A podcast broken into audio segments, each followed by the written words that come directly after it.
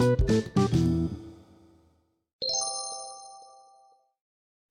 जय रामकृष्ण हरी. नमस्कार. मी सौ वंदना सुपणेकर. आपण हरिपाठ म्हणजे काय हे ऐकले. आजपासून संतश्रेष्ठ ज्ञानेश्वर महाराजांच्या या हरिपाठाचा प्रत्येक अभंगाचा अर्थ माझ्या बुद्धीच्या कुवतेप्रमाणे आपल्याला सांगणार आहे. आपण तो मनापासून ऐकाल अशी माझी खात्री आहे. हरिपाठातला पहिला अभंग धानी या रागावर तयार केला आहे. देवाची द्वारी उभा क्षण भरी तेने मुक्तिचारी साधिएल्या साधिएल्या तर या चारी मुक्ती कोणत्या? त्या प्रथम सांगते. पहिली मुक्ती सलोकता दुसरी समीपता तिसरी सायुज्यता आणि चौथी मुक्ती स्वरूपता होय. सलोकता म्हणजे ज्या भगवंताचे आपण उपासक आहोत. मरणानंतर त्या भगवंतापाशीच मुक्ती मिळते. समीपता म्हणजे जेव्हा आपण आपल्या भगवंताचे ध्यान करतो तेव्हा आपण सतत त्याच्याजवळ असतो आणि तोही आपल्याजवळ असतो. सायुज्यता म्हणजे आपण आणि आपला भगवंत वेगळे नाहीत तर हा एकच आत्मा आहे. अशी भावना होणे. स्वरूपता म्हणजे आपण आपल्या भगवंताची मनापासून भक्ती करतो मानसपूजा करतो. त्याला आपण ज्या रूपात बघतो त्याप्रमाणे त्याचे स्वरूप आपल्याला दिसायला लागते. याच त्या चारी मुक्ती मोक्षाच्या दारापर्यंत जातात. पण या मुक्ती त्याच्या दारात उभे राहून एका क्षणभराने साधता येतात का? अहो उलट्या नामाने तरणाऱ्या वाल्या कोळ्याला किती तप करावे लागले रामभेटीसाठी शबरीला किती युगे वाट पाहावी लागली श्रीरामाला बोरे देताना. भक्त प्रल्हादाला किती दिव्यातून सामोरे जावे लागले तेव्हाच भगवंत प्रकटले. मग त्याच्या दारात एका क्षणभराने या चारी मुक्ती प्राप्त होतील का? हो नक्कीच नक्कीच प्राप्त होतील. पण तो क्षण रोज असावा. मंदिराच्या दारापुढेच उभे राहायची गरज नाही. आपल्या देवघराच्या पुढे किंवा आपल्या मनात असणाऱ्या भगवंतापुढे रोज एक क्षणभर उभे राहा. तिथे फक्त तुम्ही आणि तुमचा भगवंत दोघेच आहात अशी भावना असू द्या. आणि तो सतत माझ्यासोबत आहे ही भावना असू द्या. पण हा रोजचा क्षण कधीच चुकवायचा नाही. मग त्या चारी मुक्ती साधायला वेळ लागणारच नाही. मुखात सतत त्या भगवंताचा जप असू द्या. पण त्याचे मोजमाप कधीही करू नका. तुम्ही फक्त नाम घ्या. सावध असावध कुठेही कधीही. हे अगणित पुण्य तुमच्या पदरात पडणारच आहे. असोणी संसारी जिव्वे वेगुकरी वेदशास्त्र उभारी बाह्या सदा बाह्या सदा. संसारात प्रपंचात राहताना ह्या जिभेवर हरिनामाची गती असू द्या.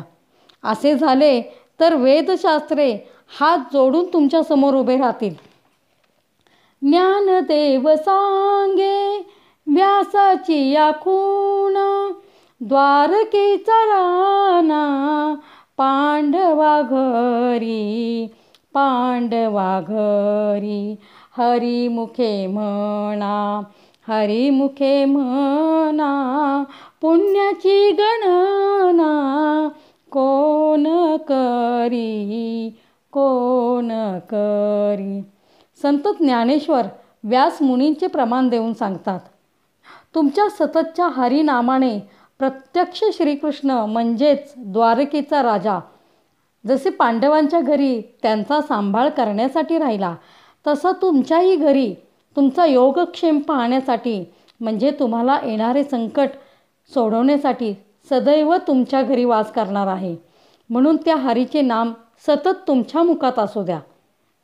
पुण्याचा हिशोब कधीच करू नका. इथे हा पहिला अभंग पूर्ण होतोय. आता आपण दुसरा अभंग बघूया. चहुवेदी जान साही शास्त्री कारण अठराही पुराणे हरिसी गाती. ज्या हरीचे निर्गुण स्वरूप जाणण्याचा चारिवेद म्हणजेच ऋग्वेद यजुर्वेद सामवेद आणि अथर्ववेद प्रयत्न करतात. तो हरी सहा शास्त्रांच्या म्हणजेच न्यायशास्त्र वैश्विक शास्त्र सांख्यशास्त्र योगशास्त्र मीमांसाशास्त्र आणि वेदांतशास्त्र निर्मितीचे कारण आहे.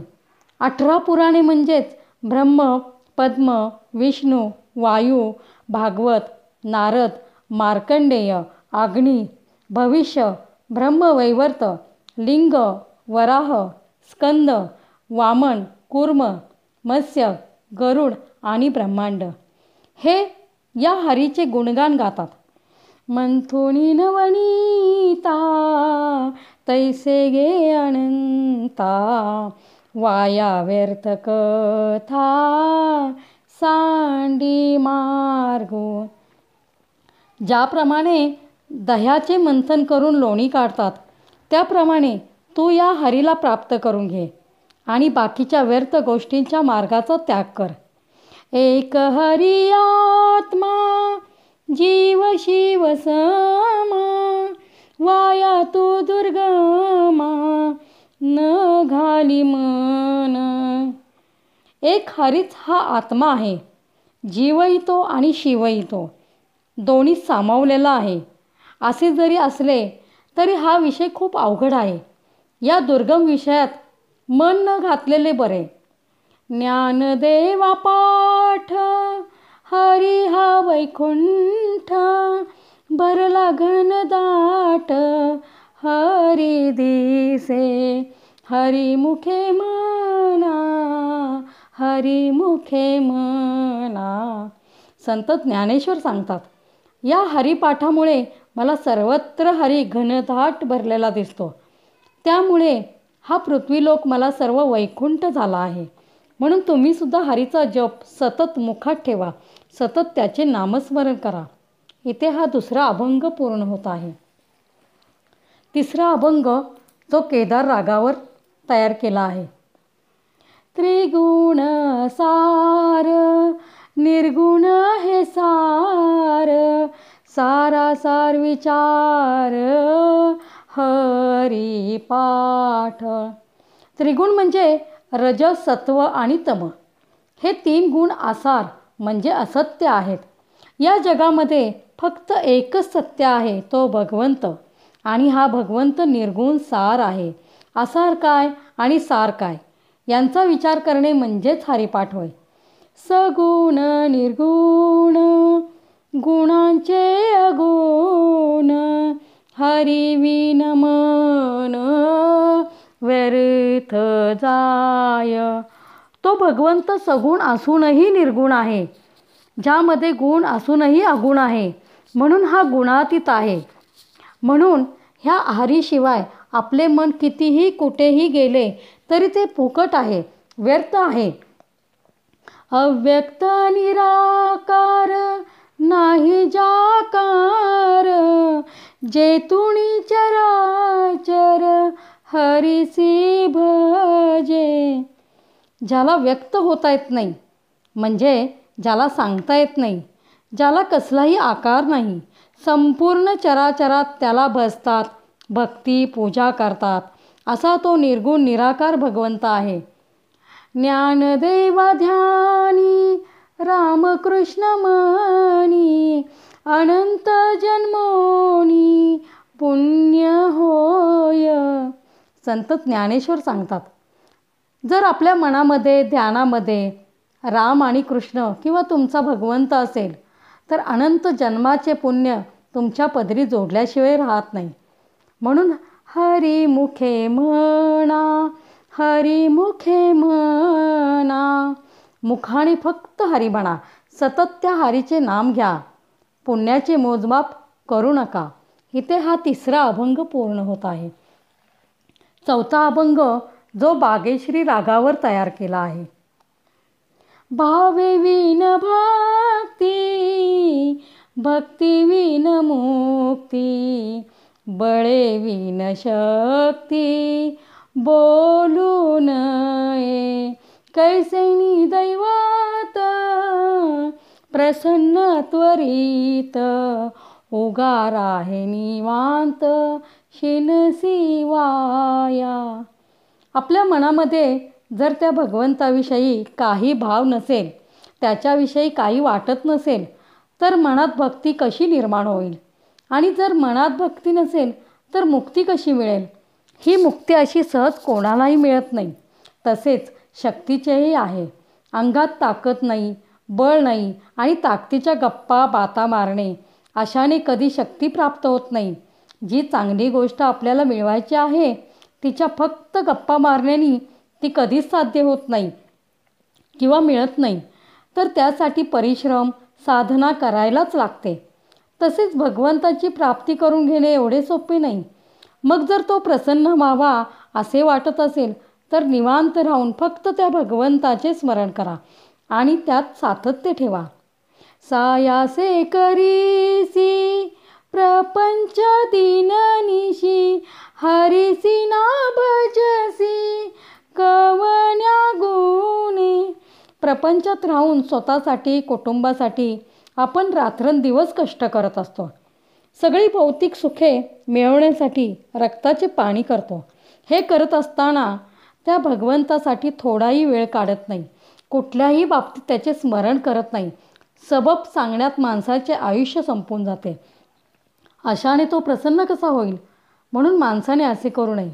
ज्ञानदेव माने हरी जप करणे तुटेल धरणे प्रपंचाचे. संत ज्ञानेश्वर सांगतात तुम्ही जर हरीचे त्या भगवंताचे स्मरण केले तर तुमच्या प्रपंचात येणारे प्रत्येक संकट दू दूर होईल. प्रपंचामधली आसक्तीही राहणार नाही आणि कसली काळजी राहणार नाही. म्हणून त्यासाठी मुखाने हरिनाम घ्या. त्या भगवंताचे नाम सतत तुमच्या मुखात असू द्या. इथे हा चौथा अभंग पूर्ण होत आहे. पाचवा अभंग. जो मालकंस या रागावर तयार केला आहे. योग याग विधी येणे नो हे सिधी. वायाची उपाधी दंभ धर्म परमेश्वर प्राप्तीसाठी कुठल्याही प्रकारचा योग याग म्हणजे यज्ञ कुठलाही विधी करायची गरज नाही. यामुळे कुठलीही सिद्धी प्राप्त होत नाही. हा खोटा धर्माचा दंभ सगळा वाया जाणारा आहे. परमेश्वर प्राप्तीचा खरा मार्ग म्हणजे त्याचे सतत नामस्मरण करणेच होय. भावे विन देव न कळे नि संदेह गोरोवीन अनुभव कैसा कळे? जर तुमच्या मनात भगवंताविषयी कसलाच भाव नसेल तर तो तुम्हाला कसा बरे? कळेल मणी नाही भाव आणि देवा मला पाव. असे नसावे आणि त्याच्याविषयी कसलीही शंकाही नसावी. मनात कुठलाही संदेह असला तर तो तुम्हाला कळणार नाही. त्या भगवंताचा जर तुम्हाला अनुभव घ्यायचा असेल तर तो योग्य गुरूंकडूनच घ्यावा लागेल. गुरूंशिवाय भगवंताचा अनुभव कळणार नाही. परमेश्वरापर्यंत पोहोचण्याचा तोच एक उत्तम उपाय आहे. तपेवीन दैवत दिधल्या विन प्राप्त गुजेवीनहित कोण सांगे? ज्याप्रमाणे आपण एखाद्याला काही दिल्याशिवाय आपल्यालाही काही मिळत नाही. त्याप्रमाणे तप केल्याशिवाय भगवंताची प्राप्ती होत नाही. जर आपण लोकांशी हिताच्या गुजगोष्टी केल्या तर तेही आपल्याशी गुजगोष्टी करतात. म्हणून भावे विन देवही कळणार नाही. त्यासाठी त्याचे नाम घेतलेलेच पाहिजे. ज्ञानदेव सांगे दृष्टांताची मात साधूचे संगती तरणोपाय। हरिमुखे म्हणा हरिमुखे म्हणा संत ज्ञानेश्वर सांगतात मी दृष्टांत देऊन सांगतो की जर तुम्ही साधूंची संगत केली तर या भवसागरातून तरुण निघताल. म्हणून तुम्ही साधूंची संगत धरा. पण तो साधू योग्य असावा आणि तुमच्या मनात भगवंताविषयी भावही योग्य असावा. नाहीतर तो तुम्हाला कळणार नाही. म्हणून मुखात सतत त्या भगवंताचे नामस्मरण करा. पांडुरंग हरी वासुदेव हरी. इथे हा पाचवा अभंग पूर्ण होत आहे. जय जय रामकृष्ण हरी. नमस्कार. आज आपण हरिपाठातल्या सहाव्या आणि सातव्या अभंगाचा भावार्थ बघणार आहोत. सहावा अभंग जो तिलक कामोत या रागावर तयार केला आहे. साधू बोध झाला तो नुरोनिया ठेला ठाईच मुराला अनुभवे. मी म्हणजे अहंकार. आता इथे साधू म्हणजे ज्या साधूला आत्मबोध झाला आहे हरीचा साक्षात्कार झाला आहे. अशा साधूंचा आपल्याला आशीर्वाद मिळाला तर आपण कोण? मी हा भ्रम दूर होतो. त्या ठिकाणी साधूंच्या अनुभवाने तो मी पण अहंकार रूपी मी पण तिथेच संपते. कापुराची वाती उजळली ज्योती ठाईच समाप्ती झाली जैसी. ज्याप्रमाणे कापूर आगडीच्या संपर्कात आला की तो लगेच उजवतो आणि तिथे संपून जातो. तिथे काहीच उरत नाही. त्याचप्रमाणे मनुष्य साधू संतांच्या संगतीत संपला जातो. अहम ब्रह्मास्मी म्हणजे मी कोण? याची ओळख फक्त शिल्लक राहते. मोक्ष आला भाग्य विनटला साधू चांकीला हरी भक्त हा जो साधूचा अंकित झालेला म्हणजे ऐकणारा हरिभक्त आहे. त्याला मोक्ष प्राप्त होणार आहे. ते त्याच्या भाग्यानेच. तसं त्याला साधूचा आशीर्वाद मिळाला आहे. तो कापुराच्या वातीप्रमाणेच संपणार आहे. त्याचे मी पण तिथेच संपत आहे. ज्ञानदेवा गोडी संगती सज्जनी हरी दिसे जनीवनी आत्मतत्वी. हरिमुखे म्हणा हरिमुखे म्हणा. संत ज्ञानेश्वर सांगतात या साधू संतांच्या आणि सज्जनांच्या संगतीत गोडी आहे. आणि इतकी गोडी आहे की त्यांना दुसरी उपमा नाही. आणि या आत्मतत्वी साधूंमुळे मला हा हरी या जनामध्ये वनामध्ये निसर्गातल्या प्रत्येक गोष्टीत आणि चराचरात तो दिसतो. आणि हे साधूंचे वैशिष्ट्य आहे. म्हणून मुखाने हरिनाम घ्या. फक्त त्या भगवंताचे नामस्मरण करा. म्हणजे तुम्हालाही त्याची आत्मप्रचिती येईल. इथे हा सहावा अभंग पूर्ण होतोय. सातवा अभंग. जो मान या रागावर तयार केला आहे. पर्वताप्रमाणे पातक करणे. वज्रले पहोणे अभक्तांसी ज्यांच्यामध्ये भगवंताविषयी भक्ती नाही असे अभक्त. अशा अभक्तांचे पाप पर्वताप्रमाणेच आहे आणि या अभक्तावर त्या पापाचा वज्रासारखा लेप होतो. म्हणून त्यामुळे हरिभक्ती त्यांच्यापर्यंत पोहोचणे कठीणच आहे. नाही ज्याची भक्ती तो पतित भक्त हरिसी न भजत दैवहत काही माणसे देवाला मानत नाही. ते स्वतःला इतके व्यवहारात गुंतून जातात की परमेश्वराचा त्यांना पूर्णपणे विसर पडतो.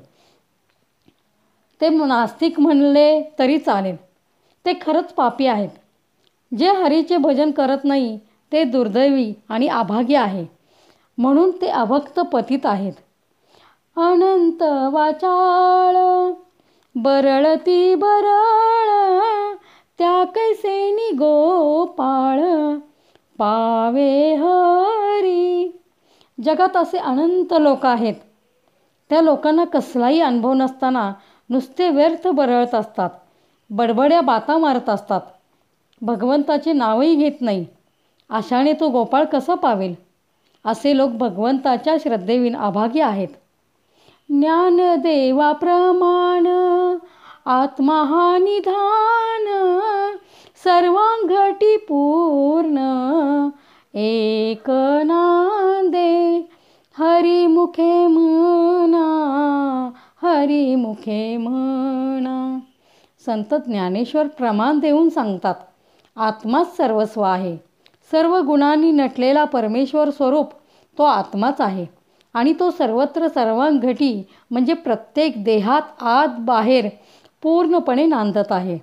आणि तो एकच आहे. म्हणून तुम्ही फक्त हरीचे नाम घ्या. फक्त त्याचे स्मरण करा.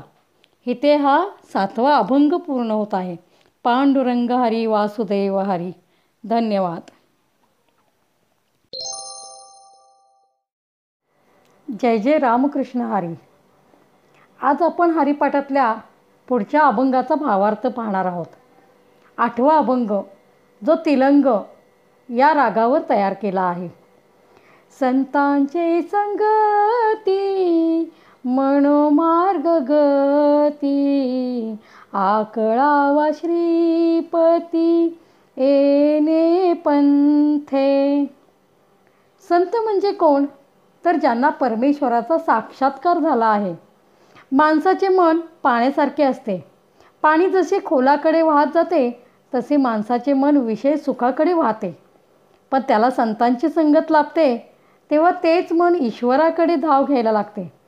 त्याचवेळी श्रीहरीला प्राप्त करण्याचा त्याचा उत्तम मार्ग राजमार्ग असतो.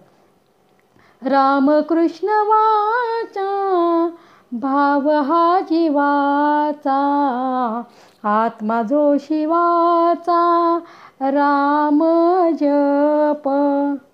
आपला जीव भगवंताच्या कुशीमधून झाला आहे आणि ज्याच्यापासून आपली उत्पत्ती झाली आहे त्याचे स्मरण होणे साहजिकच आहे तो सहज भाव आहे.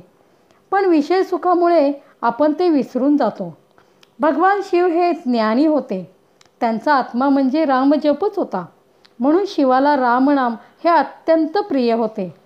हे सगळे ज्ञान आपल्याला केवळ संतांच्या संगतीतच मिळते. एक तत्वी नाम साधिती साधन द्वैताचे बंधन न बाधीजे रामकृष्ण वाचा भाव हा जीवाचा.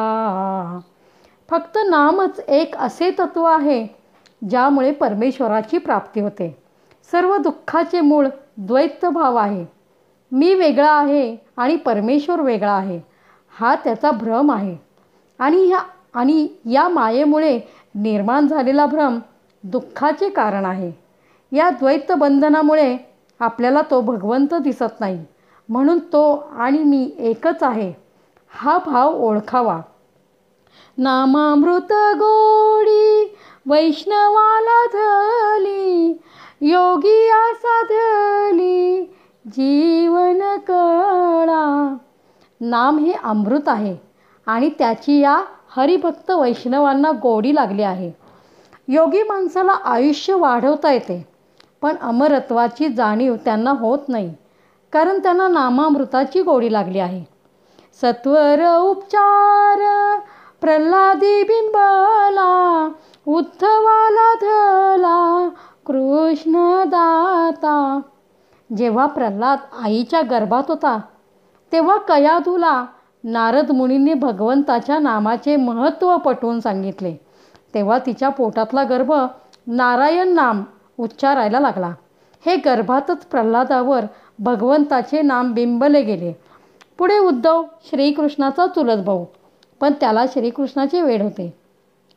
त्याला ध्यानी मणी फक्त आणि फक्त श्रीकृष्णच दिसत होता म्हणून श्रीकृष्णाने त्याला ज्ञानाच्या गोष्टी सांगितल्या आणि श्रीकृष्णासारखा दाता उद्धवाला मिळाला. त्याला श्रीकृष्णाच्या नामामृताची गोडीच लागली.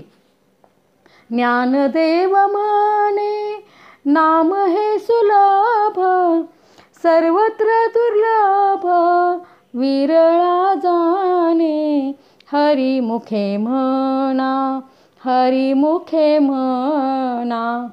संत ज्ञानेश्वर सांगतात भगवंताचे नाम घेणे किती सोपे आहे पण तेच घेण्यासाठी मनुष्य कंटाळा करतो. हे नाम घेणारे माणसे खूप विरळे आहेत कमी आहेत आणि हे नाम दुर्लभ आहे. नामाचे महत्त्व जाणणारेही कमी आहेत.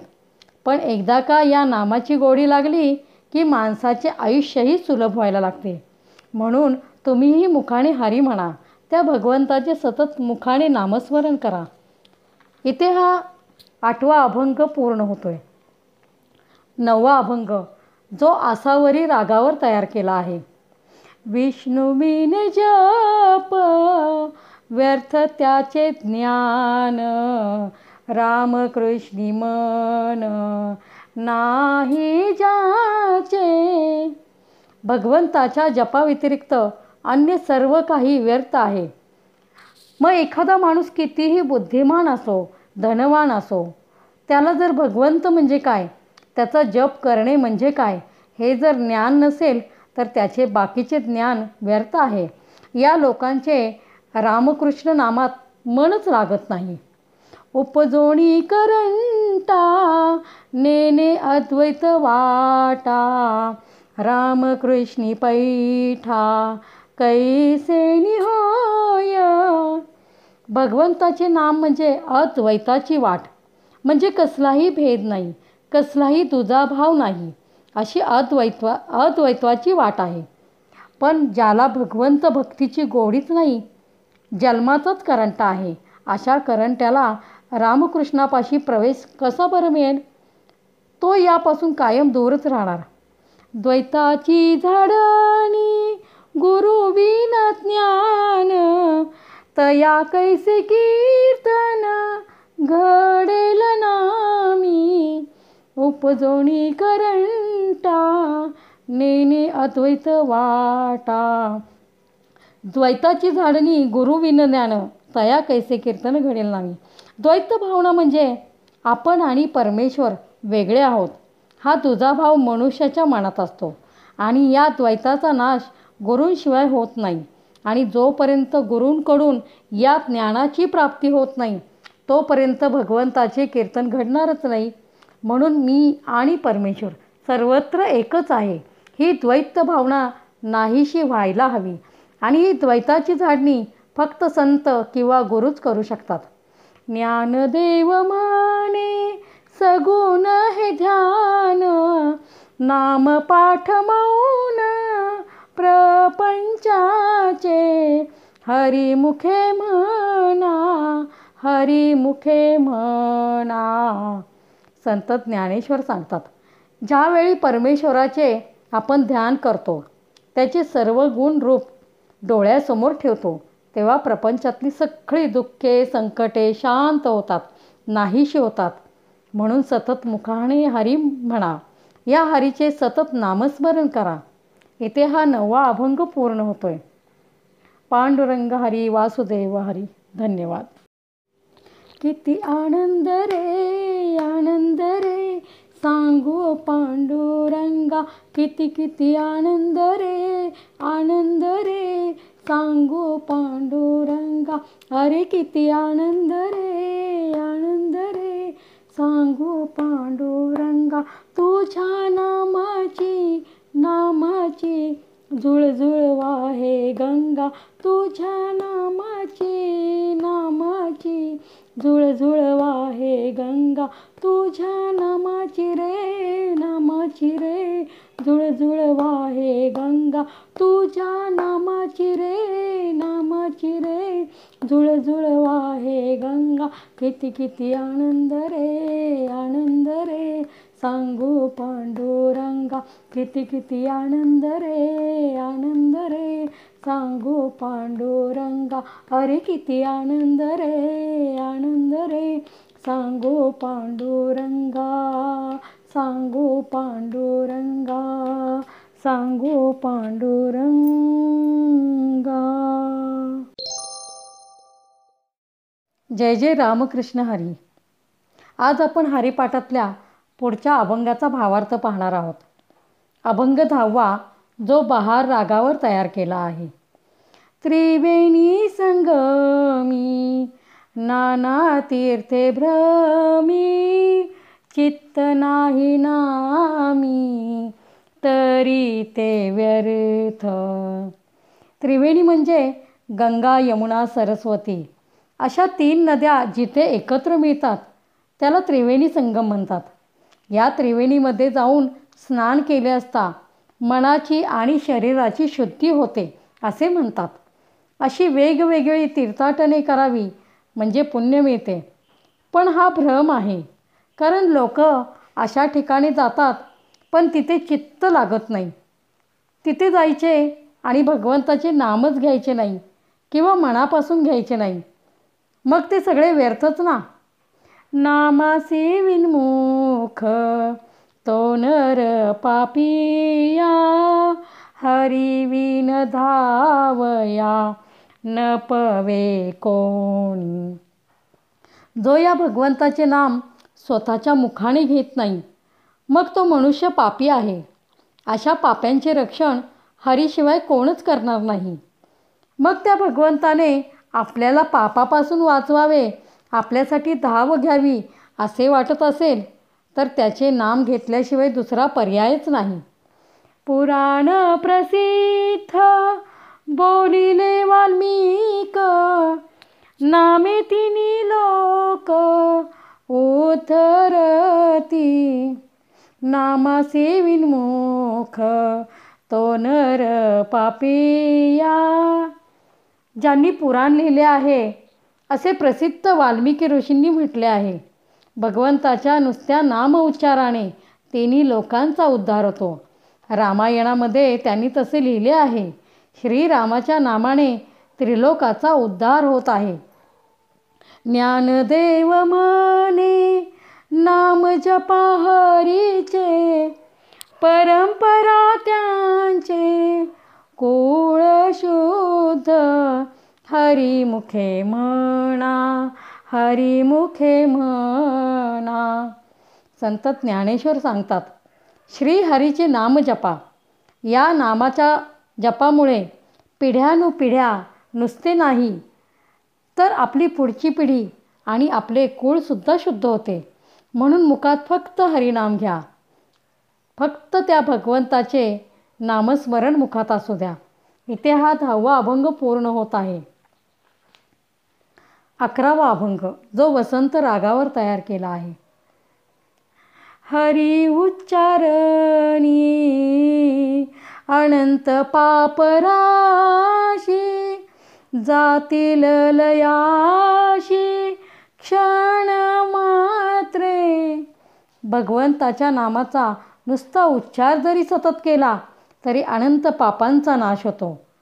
ते केलेले सर्व पापे क्षणामध्ये लयाला जातात जळून जातात. म्हणून हरिनामाचे महत्त्व महान आहे असे सांगितले आहे. तृण अग्निमेळे समरस झाले. तैसे नाम केले जपता हरी. वाळलेले गवत जेव्हा आगडीच्या संपर्कात आले की ते जळून खाक होते आणि काही क्षणातच ते आगणीत मिळूनसुद्धा जाते. त्याचप्रमाणे हरिनामाने आपली पापे संपूर्ण नष्ट होतात. ती संपतात आणि आपण पण हरिमय होतो. हरी उच्चारण मंत्र हा घाद पळे भूत बाधा भेने तैसे तृण अग्निमेळे समरस झाले. ज्या ज्या ठिकाणी जिथे जिथे हरिनामाचा उच्चार होतो तिथले भूत पिशाच भिवून पळून जाते. हरिनामामुळे झालेल्या पवित्र लहरींमुळे ते पळून जातात. थोडक्यात वाईट काहीच राहत नाही. इथे बाधा म्हणजे आणखी एक अर्थ येतो. कल्पना बाधा विषय बाधा यासुद्धा यासुद्धा नाहीशा होतात. म्हणून हरीच्या मंत्राचा त्याच्या नामाचा उच्चार मुखात असू द्या. ज्ञानदेव म्हणे हरी माझा समर्थ न करवे अर्थ. उपनिषदा हरिमुखे म्हणा हरिमुखे म्हणा संत ज्ञानेश्वर सांगतात हरी आणि हरिनाम एवढे सामर्थ्यवान आहेत त्याचे आकलन हे उपनिषदांनाही करता आले नाही. एवढे सामर्थ्य हरिनामात आहे. म्हणून तुम्ही सुद्धा मुखात हरीचे नाम घ्या. त्याचे नामस्मरण सतत मुखात ठेवा. इथे हा अकरावा अभंग पूर्ण होतोय. पांडुरंग हरी वासुदेव हरी. धन्यवाद.